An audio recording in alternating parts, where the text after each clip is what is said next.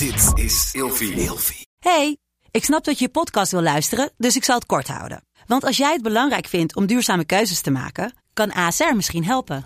Nou hoor ik je denken, hoe dan? Nou, bijvoorbeeld bij het duurzaam herstellen van schade. Of de premies die we beleggen volgens ons duurzaam beleggingsbeleid. Dat bepaalt waar we wel en juist niet in investeren.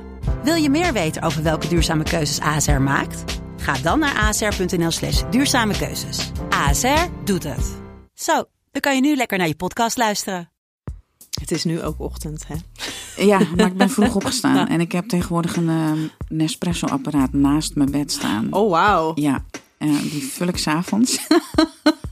en als ik mijn wekker uitzet, dan zet Ja? ik dat ding aan. En daar word ik echt... Oh, dat is misschien voor hier thuis ook een Oh, goed idee. serieus. Echt, ik vond het eerst overdreven en diva, maar Oh. elke dag denk ik, wat is dit een goed idee. Nou, ik vind dit echt een briljant idee. Echt hoor. Je wordt er heel gelukkig van. Ja, dat kan ik me voorstellen. Omdat je elke ochtend ook denkt, oh kijk mij nou, kijk mij nou. Kijk, een En dan beetje die geur van die eh, koffie, ja, ja. heerlijk. Welkom bij een nieuwe aflevering van Seks, Relaties en Liefdes. En als gast vandaag Marlijn Verkoten. Marlijn, welkom. Dankjewel. Jij bent eh cabaretier en eh, theatermaker. Ja. En het eigenlijk, wat jij voornamelijk doet, is ehm, het taboe doorbreken op mentale aandoeningen. Ja. Klopt dat? Dat klopt. Ja. En een van de onderwerpen waar, eh, waar jij zelf maar al te goed bekend mee bent en eh, waar wij het vandaag over gaan hebben, zijn angststoornissen. Klopt. Waarom vind jij het zo belangrijk dat, eh, dat mensen daar meer over horen en weten? Ehm, waarom vind ik het belangrijk dat mensen daar meer over horen en weten? Ja, of omdat als je een psychische aandoening hebt, in tegenstelling tot een gebroken been, heb je dan ook altijd meteen de schaamte erbij. Ehm, ik heb bijvoorbeeld een keer een longontsteking gehad en ik heb ook een keer een hernia gehad. En dat waren periodes waarin ik enorm veel steun kreeg, bezoek kreeg, bloemen van mijn werk, een fruitmand kreeg ik zelfs. En dat, daar werd ik eigenlijk toen heel verdrietig van. Want ik dacht, een fruitmand, serieus? Ik heb voor mijn angststoornis nog nooit... eh, ja, wel kaartjes van vriendinnen, maar niet van een werkgever. Of eh, ehm, een bloemetje van... Weet je wel? Nou ja, je snapt wat ik bedoel. Ja, dus voornamelijk juist dat. En er is veel minder aandacht voor. Het wordt veel minder, eigenlijk wordt het veel minder ook door anderen als ziekte gezien. Ja, dat klopt. Terwijl het vaak eh, veel belemmerender is. Nou, ehm, ik weet nog niet eens of het meer belemmerend is, maar het is wel zo dat ehm, als jij een gebroken been hebt, dan heb je pech. Dat is dan door de buitenwereld wordt het gezien als pech. Terwijl als je ehm, een burn-out hebt of een depressie of een angststoornis, dan wordt er toch een heel groot gedeelte toegeschreven aan jouw eigen verantwoordelijkheid. Ehm, en dat is een groot verschil. Als jij van een, van een trapje af bent gevallen en je hebt je been gebroken, dan zegt niemand, ja, dat is je eigen schuld. Ze zeggen gewoon, oh, wat erg voor je, wat pech. Zal ik boodschappen voor je halen? Ja, en een angststoornis, dat ligt toch echt voor een heel groot deel aan jouzelf, lijkt het. En zo voelt het ook voor de mensen die het hebben. Ja. Dus het, het, het, het eh, mes snijdt wel echt aan twee kanten. Het is niet alleen dat de buitenwereld er zo over oordeelt. Erger is eigenlijk misschien nog wel dat je er zelf zo over oordeelt. Ja, en dat is natuurlijk toen we elkaar spraken over een van de dingen ehm, waar wij het even over hadden. Dus dat eigenlijk iedereen denkt dat ze de enige zijn. Ja, En dat dat zo bizar is. Ja. Ik, eh, ik werk nu ook voor de Angstdwangfobie Stichting. En eh, daar heb ik eh, de Bibbebar opgericht.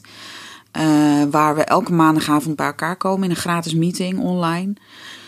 En daar zijn we met 50 mensen tegelijk in een Zoom-meeting. Dat is helemaal geweldig. En iedereen daar heeft last van angst of dwang. En de meest, de meest uitgesproken zin is: Oh, echt? Ik dacht dat ik de enige was. Ja. Ja. Terwijl er zijn 1,2 miljoen mensen in Nederland die last hebben van angst of dwang.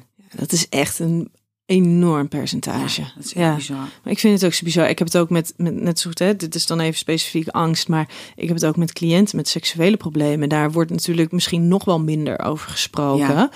Ehm, en het is in een kleinere setting belemmerend dan bijvoorbeeld wanneer je angst hebt. Dan merkt vaak je omgeving, merkt daar wat eerder van dan wanneer je seksuele problemen hebt.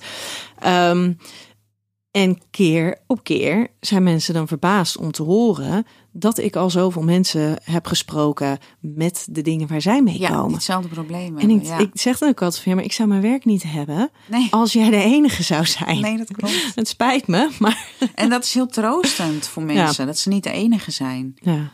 En het zou zo mooi zijn als er meer over gesproken werd. Maar ik heb inderdaad in een van mijn voorstellingen ook grapjes gemaakt over seks. En dan hele dagelijkse dingen had ik daarin in, in verweven. En juist daar moesten mensen verschrikkelijk om lachen, omdat iedereen het herkende. Ja. Ik, ik had er bijvoorbeeld een stukje in van. eh, ehm, dat mijn man dan initiatief neemt en dat ik dan zeg: serieus, schat, ik heb echt net het bed verschoond. Doe even normaal. Over een week ben je weer de eerste, weet je wel. En iedereen lachen, lachen, lachen, want het is een hele achterlijke reden om iemand af te wijzen, maar zo herkenbaar. Ja, terwijl aan de andere kant hoor ik hem juist heel vaak andersom. Het bed moet verschoond zijn. Oh, echt? Voordat. Ja. Mooi. Hey, Oh, wij wat gaan, grappig. Ja, wij gaan het vandaag eh, natuurlijk inderdaad over angst hebben. Over algemeen over angst en, en jouw ervaringen erbij. Eh, maar specifiek in de relatie tot relaties. Hè? Want angst binnen een relatie, dat kan een enorme impact hebben. Eh, voordat wij dat gaan doen, heb ik voor jou een, eh, twee cadeautjes. De Bobby's Gin uit Schiedam. Heerlijk. Alsjeblieft. En ehm, ik heb ook mijn eh, een boek voor jou. Waar ook aandacht voor is in, over, ehm, over wanneer je nou fysieke en mentale gezondheidsproblemen zijn binnen daar ben ik echt relaties. super blij mee, de relatie APK. Want ik vind het juist, ik wilde ook al heel graag eh, dat boek Hou me vast, die zag ik hier Mhm, staan. Van Sue Johnson. Die Ja. wilde ik ook heel graag gaan doen samen met mijn man. Dat je ieder hoofdstuk. Omdat we ook zeiden van. Ja, juist als je relatie nog goed is, heb je daar eigenlijk Ja. zin in. En eh, ik wil niet wachten tot, een, eh, tot we een pak ellende hebben. Dus ik ben heel blij hiermee. We gaan dat zeker doen. Toch? Is dit ook een boek met oefeningen? Ja, dit is ook een ja, boek met leuk. oefeningen en, en, en doen. Ja. Hey, ik eh, heb jou gevraagd om vijf woorden te verzinnen die gaan voor jou over seks, relaties en liefdes. Ja, nou, ik heb. wil je ze allemaal, alle vijf tegelijk? Ja, of, nou, ik mag. heb vertrouwen, humor, energie, acceptatie en aantrekkingskracht. En humor, hè, je bent cabaretier. Ehm, is humor overal belangrijk voor jou? Eigenlijk wel, ja. Ja. En wat maakt het zo belangrijk binnen dat thema seks, relaties en liefdes? Nou, ik vind, ehm, ik ben soms best zwaar op de hand. En dan is humor echt nodig om te relativeren. Ik kan echt doemscenario's bedenken. En eh, ik ga volgende week met vakantie. En ja, dan, dat, ik zie zoveel beren op de weg. Als je dan geen humor hebt. Ja, ja, ik zou niet kunnen leven dan, denk ik eigenlijk. Ik heb het echt nodig om te relativeren. Ja, En ik denk dat in het geval van eh, praten over angst is humor ook heel belangrijk om te emanciperen. ja. Als je erom kan lachen, dan heb je het ook geëmancipeerd, denk ik. En energie, waar staat dat voor? Ja, dat je wel energie van elkaar eh, wilt krijgen. Je hebt ook wel eens mensen hè, waar je dan mee in gesprek bent en dat je kapot bent na een uur. Mhm. En ehm, eh, ik word altijd heel blij van mijn man. Ja? Dus eh, ja, ja. En heeft hij eenzelfde humor als jij? Ik dacht dat je ging zeggen, wordt hij ook blij van jou? Oh, nee. ook dat, ook dat. Nee, hij heeft een hekel aan me. Ehm, heeft hij dezelfde energie als ik? Ja, wij vinden elkaar wel echt. We kunnen verschrikkelijk met elkaar lachen. Ja. En we zijn al, ehm, ik geloof, 13 jaar samen. Ik weet het niet eens. En we kunnen nog steeds verschrikkelijk lachen om elkaar. Hij bedenkt ook heel vaak eh, samen met mij grappen voor mijn voorstelling. Die komen gewoon voort uit. eh wij gaan altijd borrelen samen in het weekend. En ja, ja, wij moeten gewoon altijd heel erg lachen om elkaar. We Ja. kunnen echt elkaar versterken in, in, in eh, associaties en ehm, stapelen. Weet je wel, dat je het nog erger maakt. Gênante situaties voor ons zien. Ja, Dus dat is wel echt iets wat jullie samen dan ook creëren. Ja. Ja. Ja. Hey, ik heb ehm, vijf dingen voor jou waar ik heel graag eh, van heb dat jij eruit gaat kiezen. oké. Ja? En je moet kiezen. Ik moet er eentje kiezen. Eh, ik leg er elke keer twee voor en je moet er elke keer eentje kiezen. Ja. Oké. Seksualiteit of intimiteit? Intimiteit. Waarom intimiteit? Ehm, ja, ik denk dat intimiteit veel groter is dan, dan seksualiteit. En intimiteit heb ik bijvoorbeeld, heb ik maar met een paar mensen. Heb ik bijvoorbeeld ook met mijn beste vriend. Ehm, daar heb ik geen seks mee, maar daar ben ik wel heel intiem mee. Want ja, we weten alles van elkaar. We weten alle onzekerheden en we voelen ons daardoor heel veilig samen. Ehm, en dat is wel voor mij een voorwaarde voor echt contact. dat zit hem dus niet alleen in eh, een liefdesrelatie, maar ook in vriendschappen. Ja. En intimiteit heb je niet met zoveel mensen. Ehm, even een aanname van mij, maar ik, eh, seksualiteit heb je natuurlijk ook niet met iedereen. Niet iedereen. Ehm, Zometeen ook met Ja. jou. hoort er gewoon bij. Ja, hè?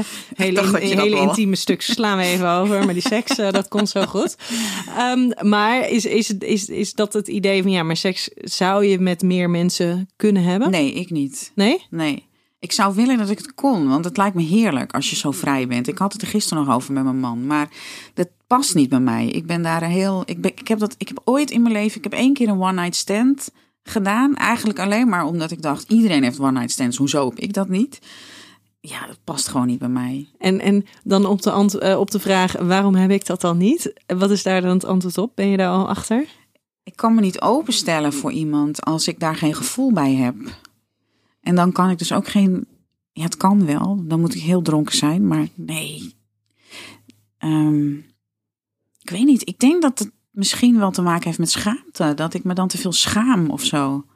Ik denk dat dat het misschien wel is. Ja, Het past gewoon. Het, past, het voelt niet goed bij mij. nee. Strikte monogamie of een relatie met meer vrijheden? Nee, voor mij is het dus strikte monogamie. Maar ik zou willen dat ik die Ja? andere was.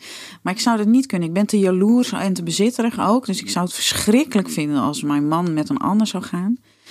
Eh, en hij zou dat bij mij ook verschrikkelijk vinden. Ehm, ja, ik vind het wel een beetje jammer eigenlijk. Ik sta, ik, ik sta rationeel gezien meer achter de andere manier. Net Mhm. zoals je meerdere vrienden hebt. Waarom niet meerdere? Maar nee, bij mij past dat echt niet. Nee, heeft dat te maken met dat stukje angst wat er in jou zit? Want jaloezie gaat ook natuurlijk vaak over een stukje angst. Angst te verliezen, dat de angst dat de ander bij iemand anders iets anders vindt of een gemis. Dat jij iets niet met jouw partner kan delen en de ander wel.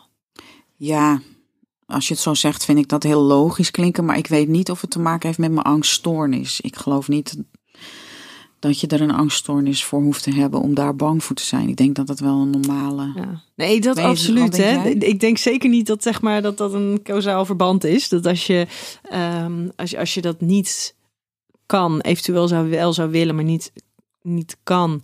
En dat je van jezelf weet. Ik wil het je- ook niet. Ik zou het, ik zou het willen willen, maar ik wil het niet. Ja, precies. Maar op rationeel niveau Ja. dus kunnen beseffen van... hé, hey, dat is best iets wat iets, iets, een toegevoegde waarde kan zijn... en wat een bepaald gevoel van, van vrijheid op kan leveren. Maar ik, ja, dat, dat je daar ook niet bij kan komen bij dat gevoel... eh, op het moment dat je daar dus eh de gevoel van jaloezie hebt... of van bezitterigheid hebt... of de angst om de ander te verliezen. Maar ik denk ook niet zozeer dat als je dat dus niet kan... en als je gaat in dit geval voor die strikte monogamie, dat je, ehm, eh, dat je dus een angststoornis moet hebben of angstklachten moet hebben. Maar ik kan me wel goed voorstellen, maar ik heb geen angstklachten, dus dat is altijd een beetje lastig om dat natuurlijk dan in te voelen. ehm, dat als je angstig bent aangelegd, dat dat dus wel iets is wat ook lastiger wordt. Omdat je daarmee natuurlijk wel de angst, de ander te verliezen, de angst niet goed genoeg te zijn, de angst. Ja, ja, ik heb wel altijd de angst om niet goed genoeg te zijn, maar ik heb niet de angst om eh, mijn man te verliezen, eerlijk gezegd. Nee? Nee, ik heb heel veel vertrouwen in onze relatie. En ik denk ook, ja, ik, heb, ik ben ook zeven jaar vrijgezel geweest. En toen eh, had ik het ook naar mijn zin. Dus ik denk ook wel, ja, ik zou het in mijn eentje ook gewoon redden. Dus daar ben ik niet zo heel erg bang voor eigenlijk. Nee, ik denk toch dat het eerder, eh, ik had het niet eerder gerealiseerd, maar nu we het erover hebben, ik denk echt dat het meer te maken heeft met schaamte. Eh, dat je je wel echt helemaal vrij moet voelen om seks te hebben.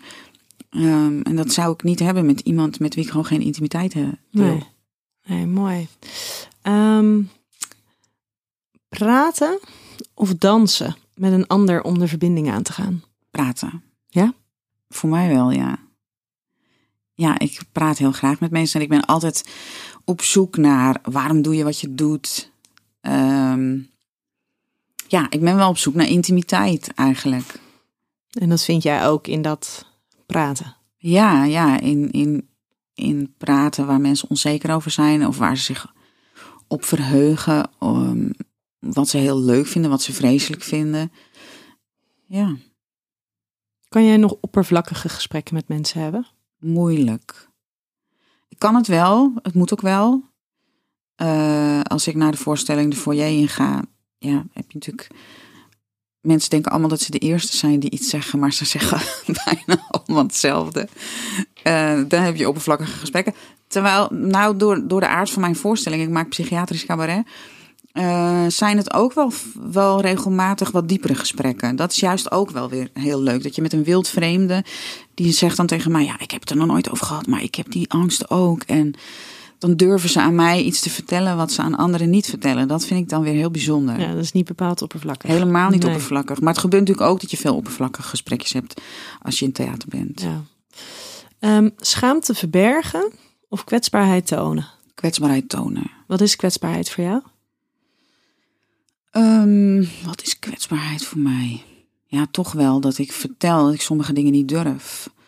Uh, en nu gaat het heel goed met me, al uh, best lang al zes jaar volgens mij, dat ik bijna geen klachten heb. Maar um, de periode dat ik nog wel heel veel angstklachten had, ja, ik vond het altijd verschrikkelijk om, als je met iemand naar het theater gaat of naar de bioscoop, om te zeggen, ik wil wel aan het gangpad zitten. Um, altijd weg kunnen. Uh, ik, ik had nu nog een vriendin die, die vroeg of ik meeging in een sloep varen. Ja, dat durf ik niet. Uh, want dan kan ik niet af en er is geen wc op die sloep dan vind ik dat nog steeds wel vervelend. En vroeger had ik dat aan de lopende band. Um, dus dan voelde ik me wel kwetsbaar. Of eigenlijk kwetsbaar, ik weet niet. Ik voelde me eigenlijk zwak. Ik weet eigenlijk niet, wat is eigenlijk de definitie van kwetsbaarheid? Ja, kwetsbaarheid gaat natuurlijk over het tonen van oprechte stukjes van jezelf. En heel veel mensen die voelen dat als zijnde, um, als je kwetsbaar bent, dan kan er misbruik van je gemaakt worden. Als je kwetsbaar bent, dan, kan, uh, dan ben je zwak. Hè? Als, je, als je kwetsbaar bent, dan ben je fragiel. Terwijl kwetsbaar mogen zijn, kunnen zijn, gaat eigenlijk veel meer over, over kracht en over moed.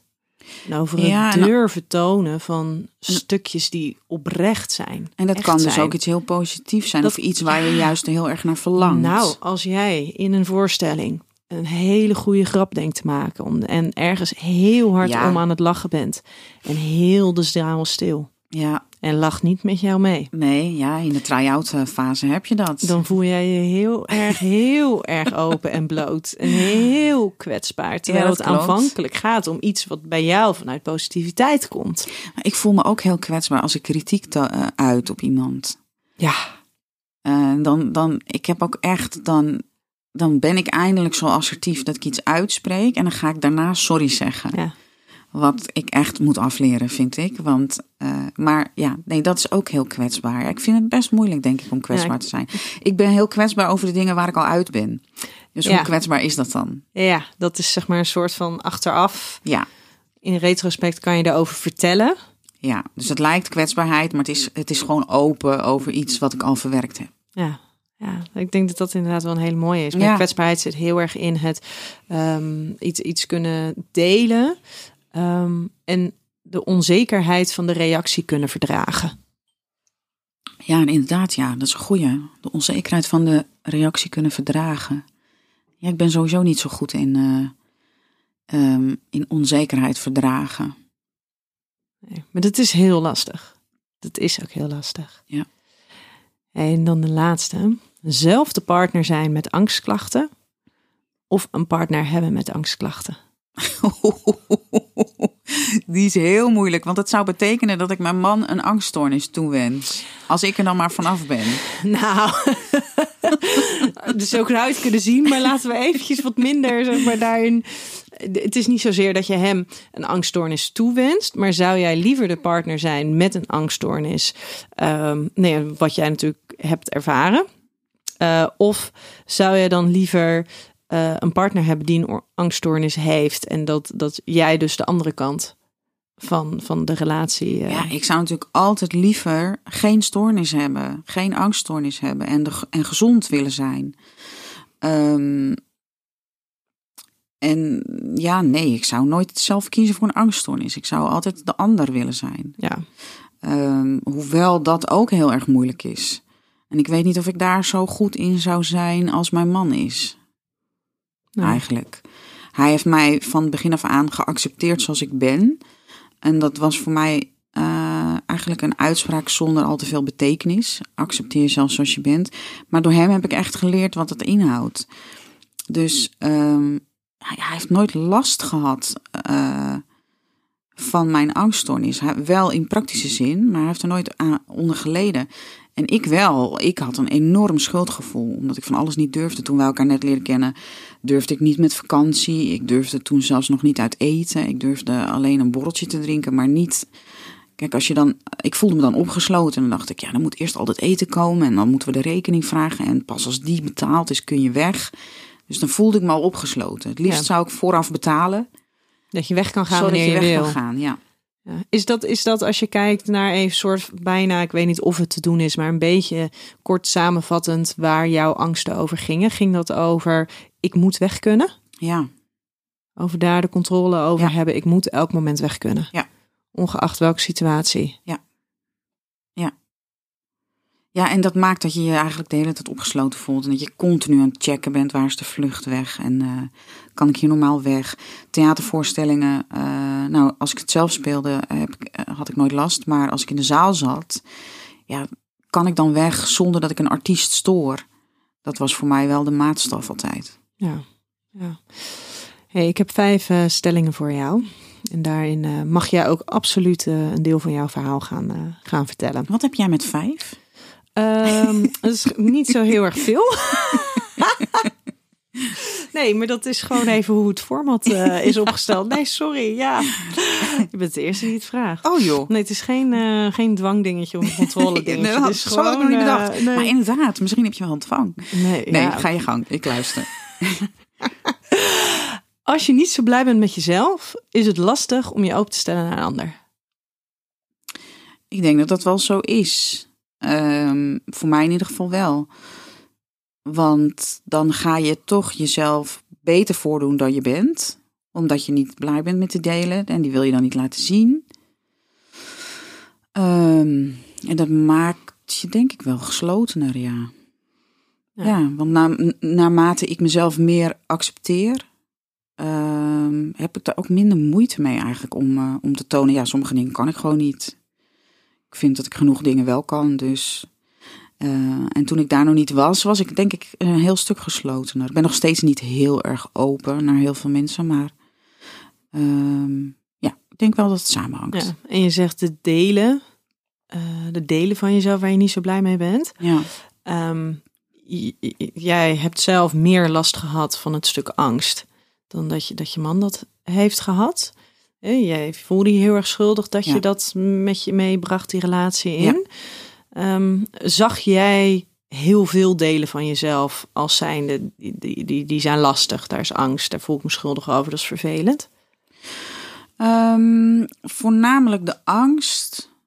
Ook wel somberheid. Ik ben ook een tijd depressief geweest. Niet in de periode dat ik met hem was, maar ja, ik kan wel van die, ja, van die sombere stemming af en toe hebben.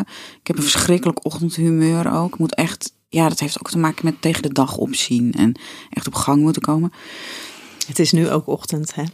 Ja, maar ik ben vroeg opgestaan en ik heb tegenwoordig een ehm, Nespresso-apparaat naast mijn bed staan. Oh, wauw. Ja, eh, die vul ik s'avonds.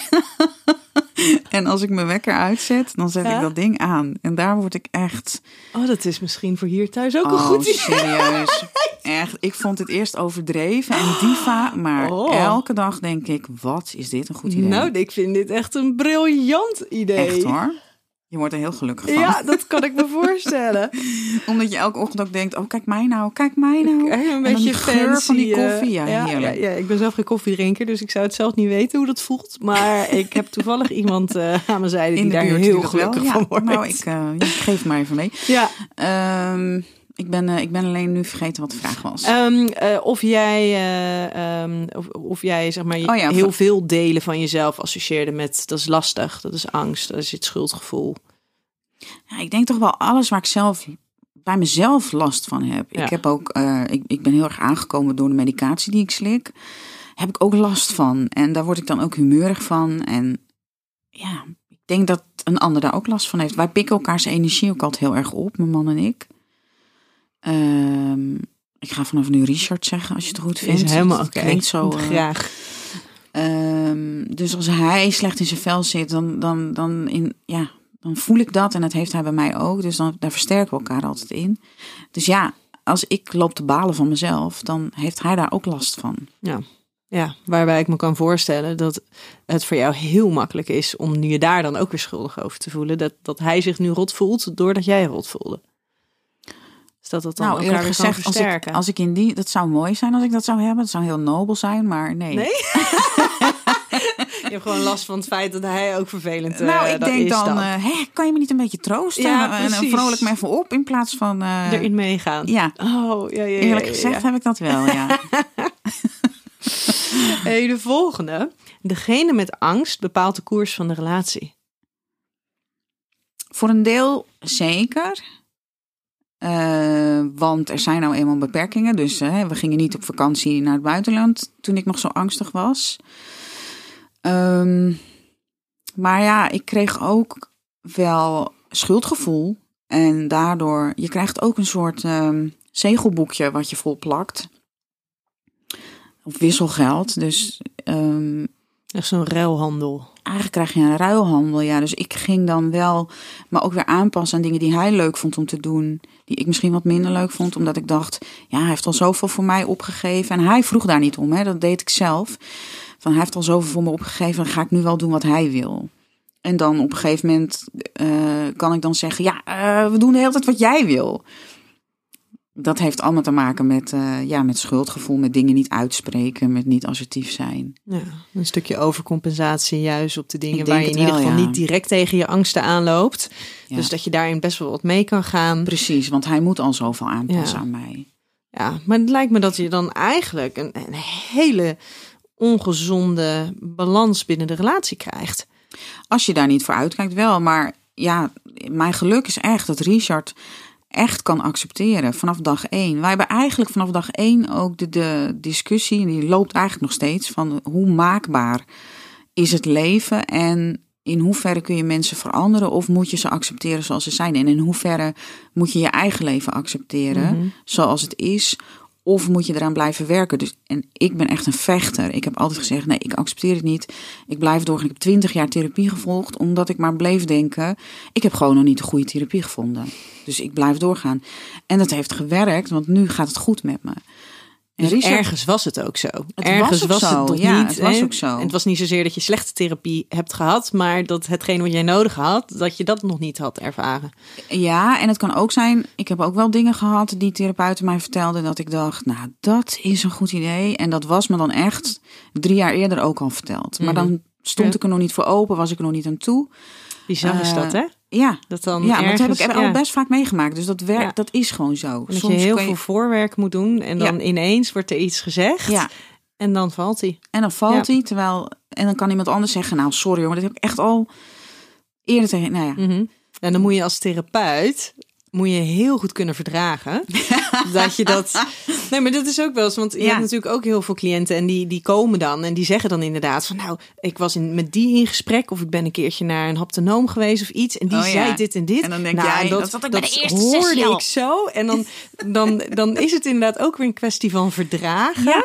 Dat je dan dus inderdaad zegt van, jeetje, maar wat fijn dat je dat nu hebt kunnen horen. ja. Want weet je nog dat, dat wij hier ook aandacht voor hebben gehad? En dan, nou ja, dan kan je hem wel even inbrengen. dat wil je dan toch Maar, even. nou, som, en soms hoeft het niet eens. Maar Nee. soms kan het heel helpend zijn, juist om er weer even op in te haken. Ja, en het te is- versterken. Nou, en ook om je te realiseren, dat heeft mij wel echt geholpen. Dat je soms dingen gewoon niet in één keer. Nee. Je kan niet alles in één keer eh, binnen laten komen. Eh, als je een groot probleem hebt. Nou, misschien trouwens ook als je een klein probleem hebt. Je moet het in fases doen. Ja, Ja, je moet het Dus- aankunnen. Je moet er klaar Ja. voor zijn.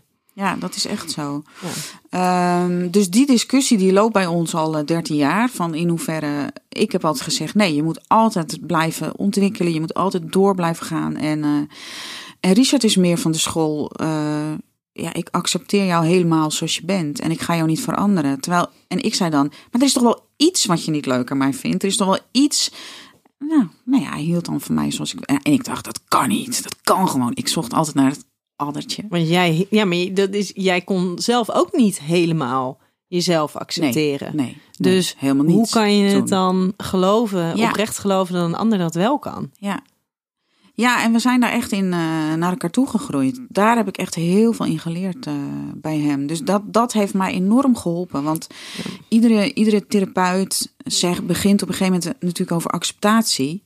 En ik heb ook heel veel gehad aan mindfulness bijvoorbeeld. Nou, het sleutelwoord daar is acceptatie. Mm -hmm. en zonder oordeel. Zonder oordeel. Nou, als ik iets niet kan. Uh, en daar heb ik nog steeds heel veel in te leren. Maar dat is wel toch de, de weg die helpt voor mij. Ja. Maar ja, als jij twintig jaar lang, uh, of in ieder geval een, een, significant deel daarvan tegen jezelf hebt verteld. Um, hoe ik nu ben is niet oké. Okay. Ja. Ik stel me aan. Ik ben anders. Ik ben minder goed. Ik kan minder. Ja, ga dan maar eens eventjes naar dat punt toe van zonder oordeel zijn. Ja. ja, dat is zo. En dat dacht ik inderdaad. En dat voelde ik inderdaad. Ja. Ja, en ik stel me aan is nog wel de ergste. Die, die heb ik ook altijd gevoeld. En dat Ja. heb ik nog steeds wel hoor. En er Maar- zullen ongetwijfeld situaties zijn geweest waarin andere mensen dat ook hebben benoemd, zonder zich bewust te zijn wat dat voor impact op jou heeft. Ja. Ja. Absoluut. Ja. Of dat mensen zeggen, ah joh, daar moet je gewoon niet zo mee bezig zijn. Hoe dan? Dat je denkt, oh, oh joh, oh. Nou, als ik dat eerder had geweten. Ja. Ja, dat is echt de tips die je krijgt als je een psychische aandoening hebt. Terwijl als je het been in het gips zit, krijg je die tips gewoon Nee. niet. Nee. Dan zeggen ze niet, joh, je moet omega-3 gaan slikken. Of eh, je moet aan, eh, ja, ik wou zeggen runningtherapie. Dat zou ook een hele rare tip zijn. Met je been in het gips. Nee, maar in hoogstens krijg je inderdaad misschien een zorg goed voor jezelf en doe rustig aan. Ehm, maar dat is al eentje die je inderdaad met bijvoorbeeld met angst of stemmingsklachten al veel minder krijgt. Een zorg goed voor jezelf. En dan is natuurlijk een zorg goed voor jezelf is bijvoorbeeld in therapie gaan, is bijvoorbeeld met jezelf gewoon nou ja, in dat zelfacceptatiestuk gaan werken. Ja, en het is ook een hele moeilijke opdracht trouwens hoor. Goed voor jezelf Mhm. zorgen. Want zeker met angst, soms moet je jezelf uitdagen. Moet je een exposure doen. En soms moet je dat eventjes niet doen. En de een moet aangemoedigd worden om juist wel erop uit te gaan. En ik was juist meer iemand die afgeremd moest worden. Ja, omdat eh, jij maar dacht, ik moet door, ik moet ja, ik moet veranderen, door, ik moet, eh, hier mag ik ja. geen genoegen meenemen. Precies. Ja, Nou, en ik heb ook heel lang gedacht, dat schoot me net te binnen toen jij iets vertelde over die eh, oordelen van jezelf. Ik heb heel lang gedacht, eh, mijn leven begint als mijn angst voorbij is. Ik moet eerst eh, die angsten eventjes... eh, Oeh. ja, en toen kwam ik uiteindelijk bij een therapeut en zij deed veel met mindfulness. Eh, zij was een ACT-therapeut, Ja. Acceptance and Commitment eh, therapie. En zij heeft mij geleerd, met angst kan het ook. En dat was voor mij volslagen nieuw. Ik dacht, sorry? Ja. Eh, ja, het is minder prettig, maar het kan wel Ja. met angst. En die zin helpt mij nog heel vaak. Dat ik tegen mezelf zeg, ja, ja met angst kan het ook. Ja. En voor de luisteraar die nu denkt, wat is dan ACT-therapie? Als je eventjes zoekt op ACT, dan eh, kan je daar meer informatie eh, bij vinden. Ehm, de volgende. Als je een angststoornis hebt, moet je niet aan kinderen beginnen.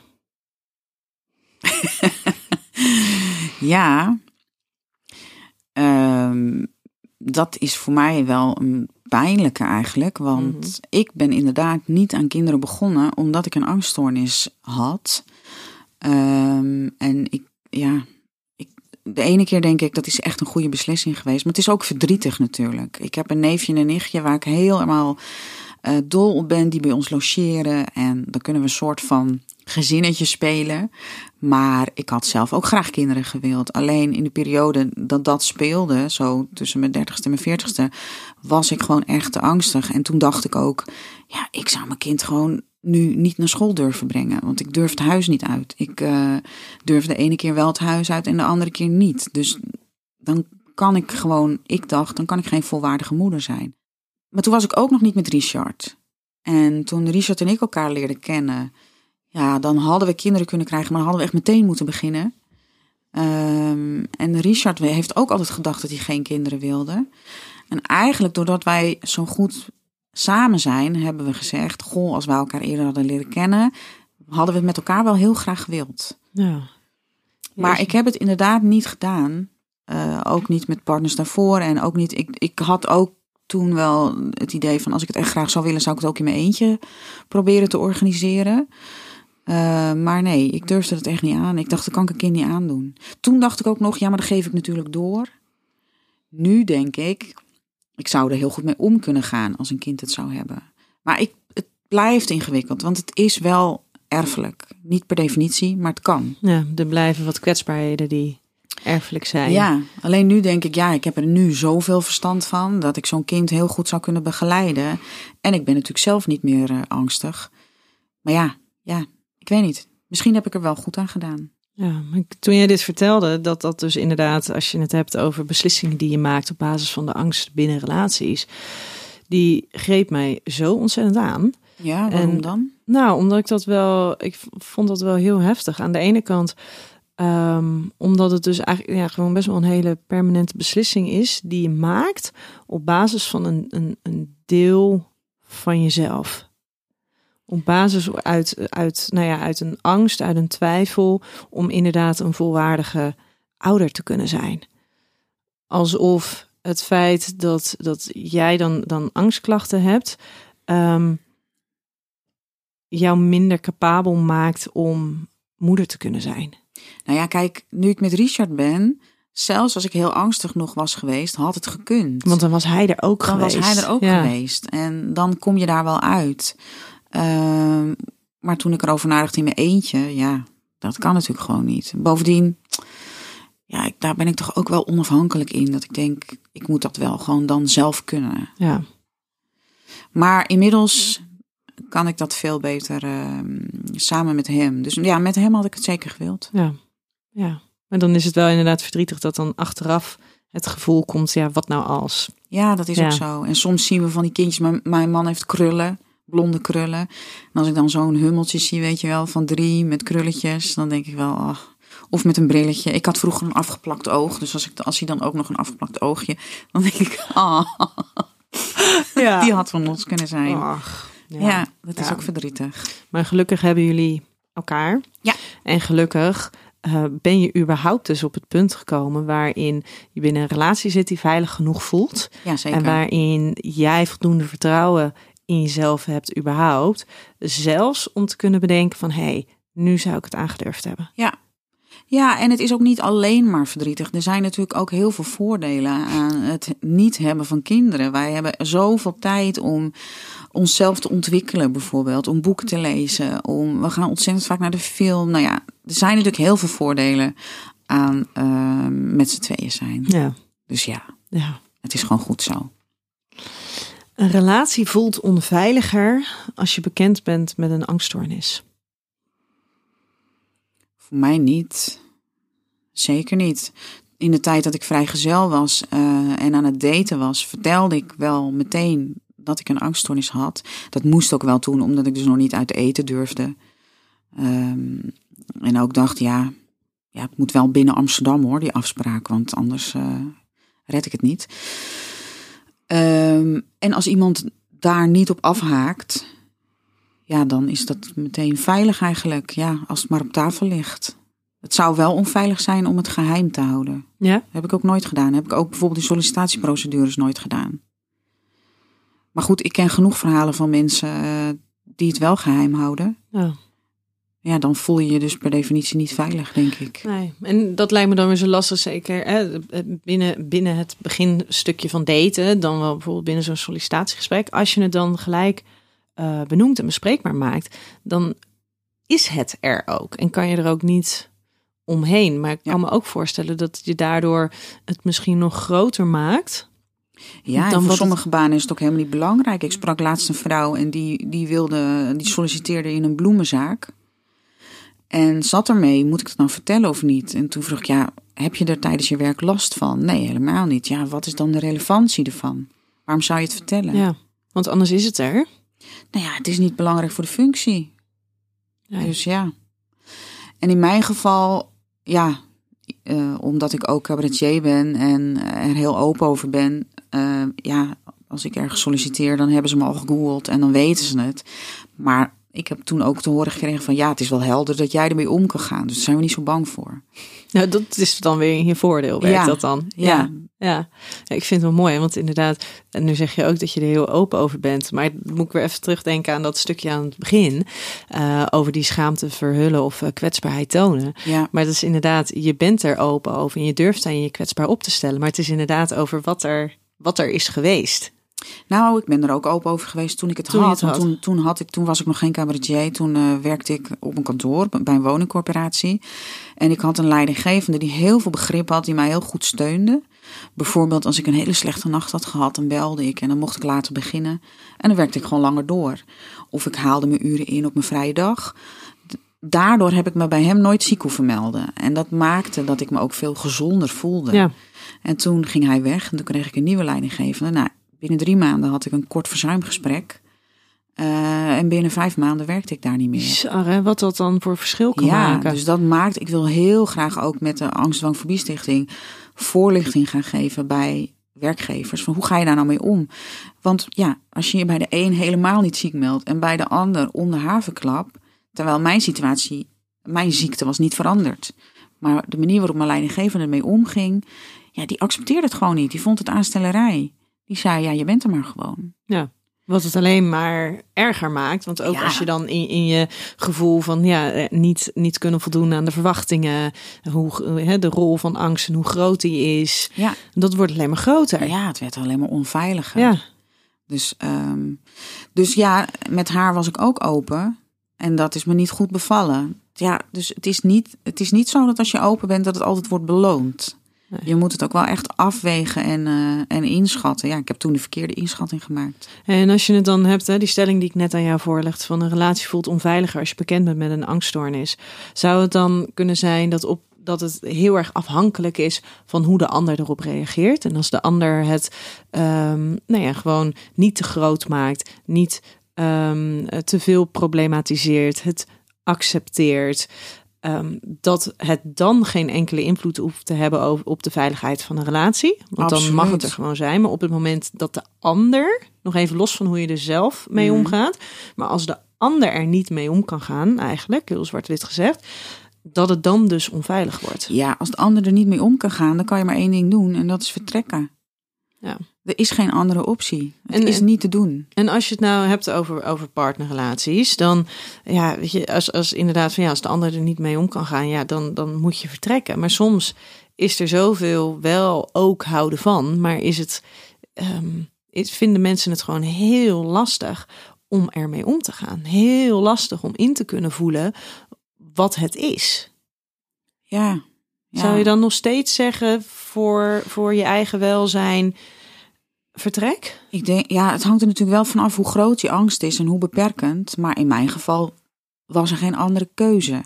Eh, en ik denk dat daarom is het ook zo belangrijk dat we eh, allemaal veel meer open worden over angst. En dat gebeurt ook echt. De laatste vijf jaar is het zoveel beter geworden. Ja. Eh, en in het bedrijfsleven zou dat ook moeten. Daarom praat ik er ook overal over. Niet omdat ik mijn eigen verhaal zo graag wil vertellen, maar meer mensen moeten horen van oh, oh, wat zij heeft, heb ik ook. Ja. En, eh, en daar mag ik kennelijk gewoon open over zijn. Want dan in- wordt het veiliger. Dan Ja. kunnen meer mensen er ook mee omgaan. En in die zin angst een gezicht geven.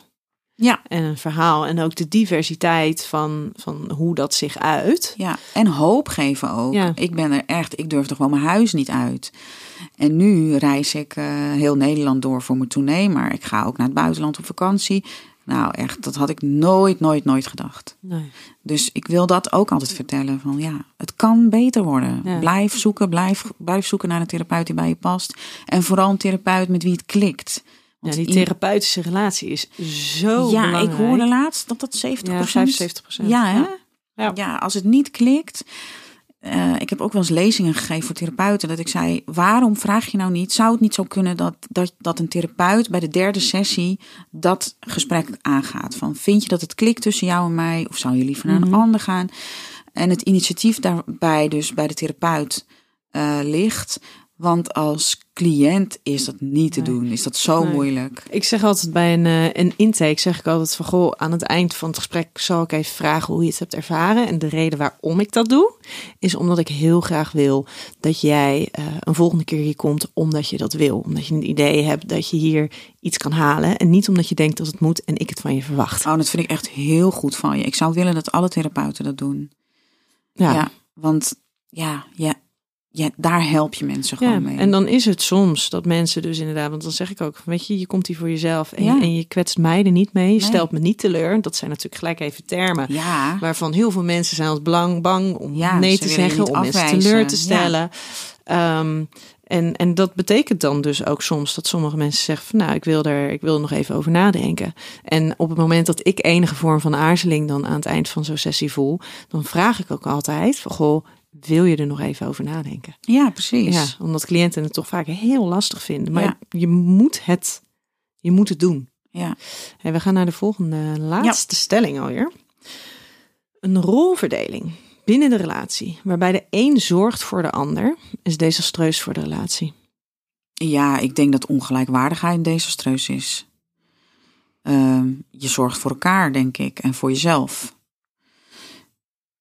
Ja, Ja, ik geen twijfel over. nee. Maar heb je het idee dat in de periode dat, dat jouw angstklachten wel echt een, een, een grote rol speelden in jouw leven, ehm, maakte dat de rolverdeling binnen jullie relatie anders? Nee, want eh, bij Richard speelde ook van alles. Hij had alleen geen angststoornis. Maar natuurlijk, iedereen worstelt met van alles de hele tijd. eh, gedurende je leven. Steeds weer met iets anders. En daar kon ik hem weer heel goed bij helpen. Dus ik heb me ook nooit eh, minder gevoeld. Nee. Nee. Is dat goed om je daar bewust van te zijn, überhaupt als er bijvoorbeeld mentale problemen zijn? Want dat is, hè, dat is nou, best wel significant vaak aanwezig. Het heeft vaak een diagnose, dus het is er. Ja. Eh, om je er dan van bewust te zijn van, oh ja, maar ja, ik heb die diagnose. Maar bij de ander spelen ook andere dingen. En misschien niet dingen waar een diagnose aangekoppeld is, of die, die 24-7 aanwezig zijn en waar therapie voor nodig is, maar Ja. waar wel emotionele steun voor nodig is, waar wel ook binnen conflicten op werk of iets waar daar aandacht voor nodig is. Ik denk het wel dat dat heel goed is, want het maakt ook dat je je gezond voelt. Als jij, jij betekent ook iets voor de ander. Het is niet zo, je bent geen patiënt-behandelaar relatie natuurlijk. Je hebt, ja, als liefdesrelatie wil ik het heel graag gelijkwaardig hebben. En ik denk ook altijd, en dat heeft Richard ook altijd tegen mij gezegd, eh, ik ben niet mijn angststoornis. Dat is maar een deeltje van mij. En er zijn heel veel delen van mij altijd gezond gebleven. Het is ook niet zo, ook in de periode dat ik depressief was, was ik niet fulltime depressief. Ik, ik ben altijd eh, boeken blijven lezen en heb daar altijd van genoten. En ik ben altijd naar de film blijven gaan en heb dat altijd geweldig gevonden. En het café ben ik ook bijna altijd in, in blijven gaan. Toen ik heel angstig was, moest ik dan wel eerst indrinken. maar ja, ja. Hartstikke goed advies. Dat is Ook dan maar therapeut. Ja, nou ja, dat advies. is dan maar zo. Nee, dat heb ik zelf bedacht.